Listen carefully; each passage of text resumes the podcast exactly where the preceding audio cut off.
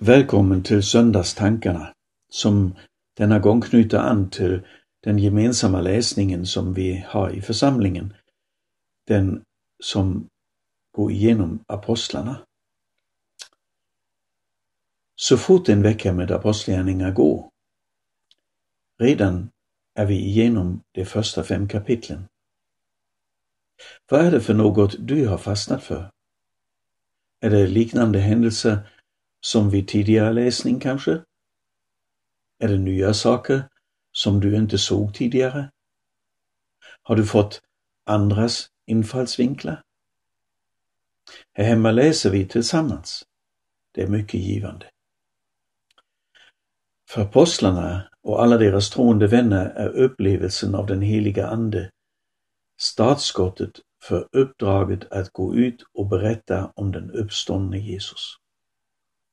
När de gör det bekräftar Gud gång på gång förkunnelsen genom under och tecken och märkliga ingripanden. Huvudinnehållet i förkunnelsen är den uppståndne Jesus och Gud Faderns eviga plan att hans egen son är den Messias som de gamla skrifterna förutsagt genom århundraden och att denne Messias ska befria människorna ifrån synd och död. Kan vi lära oss något av det? För idag? För vårt sätt att berätta om Jesus och vår tro? Den frågan återkommer om och om igen i mitt inre och för tankarna tillbaka till väckelsen som svepte över Europa för nära 50 år sedan. Då var det just insikten att Jesus är uppstånden och lever som öppnade mångas hjärtan. Undren och tecken som skedde bekräftade förkunnelsen.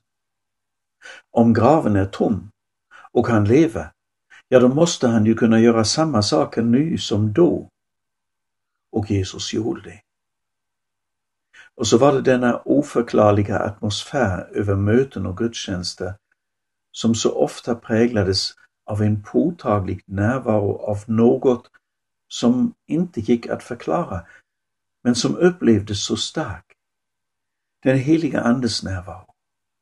Gud som Fader och Jesus som Herre, som liksom fanns där med en öppen välkomnande famn. Så påtagligt att man förundrades och förstummades. När Jesus berättade för sina vänner om Hjälparen, den heliga Ande, som Fadern ska ge er, sända till er, så förtydligade han, jag ska inte lämna er faderlösa. Jag ska komma till er. Ännu en kort tid och världen ser mig inte längre, men ni ska se mig. För jag lever och ni ska leva. Den dagen ska ni förstå att jag är i min far och att ni är i mig och jag i er. Så i Johannes 14 kapitel. Längre än så säger Jesus, den hjälpare, den heliga Ande, ska lära er allt och påminna er om allt som jag sagt er. När hjälparen kommer, som jag ska sända er från Fadern, sanningens ande som utgår från Fadern, då ska han vittna om mig. Han ska överbevisa världen om synd och rättfärdighet och dom. När han kommer, sanningens ande, då ska han leda er in i hela sanningen.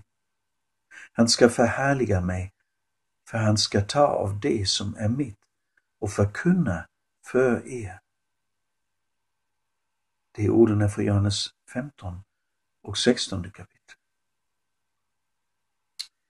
Kapitlen i Apostlagärningarna som vi nu läst visar hur Jesu egna ord gick i uppfyllelse. Från pingstdagen och framåt upplevde Jesu lärjungar och alla de andra som följde Jesus en ny och förunderlig Guds närvaro. De kände i sina hjärtan den frid som Jesus skulle lämna åt dem samt den glädje som han utlovat i Johannes 15. Glädjen som skulle bli fullkomlig. Och de förstod skrifterna, förstod allt detta som de varit blind för tidigare. På samma sätt var det under väckelsen på 70-talet. Likadant berättas det från andra väckelser som har varit och som pågår på olika platser i vår värld.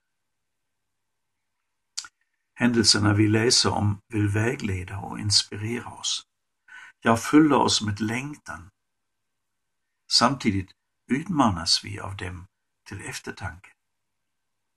Låt oss därför läsa noga och med öppna hjärtan så vi förstår hur vi kan och ska be.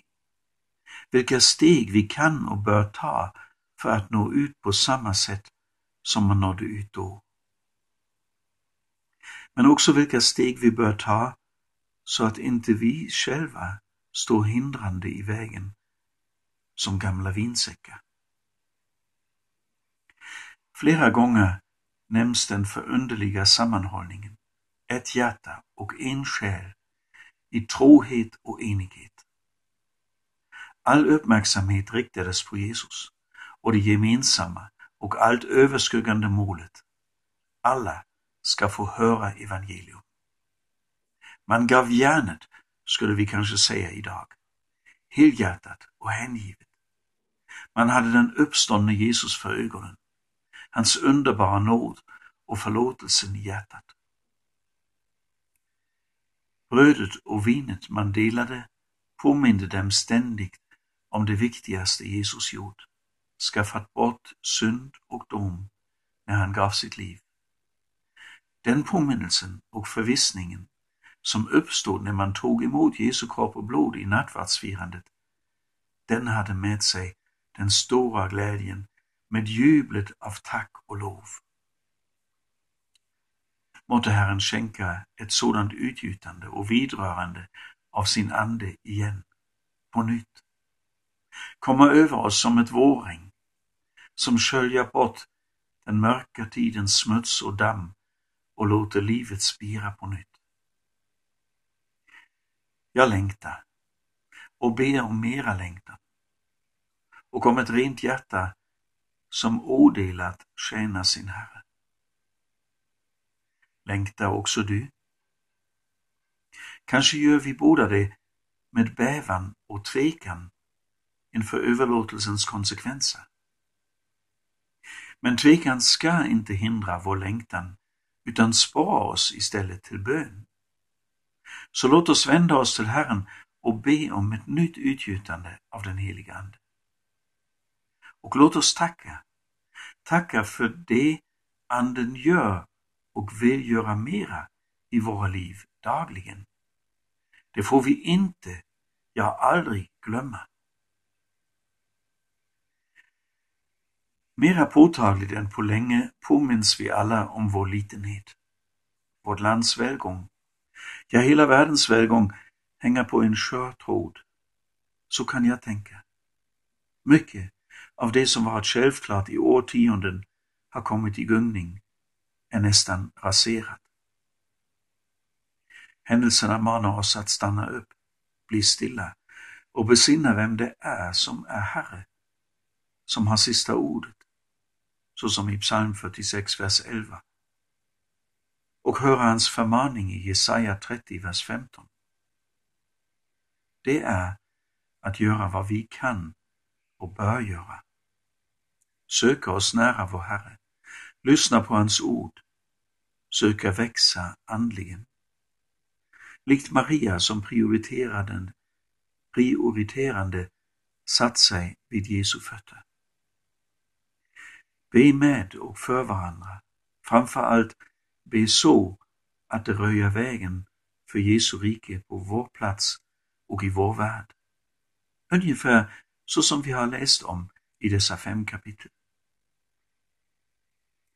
Att både förundran och inspirationen må drabba dig i din fortsatta läsning under veckan som kommer. Det önskar jag dig.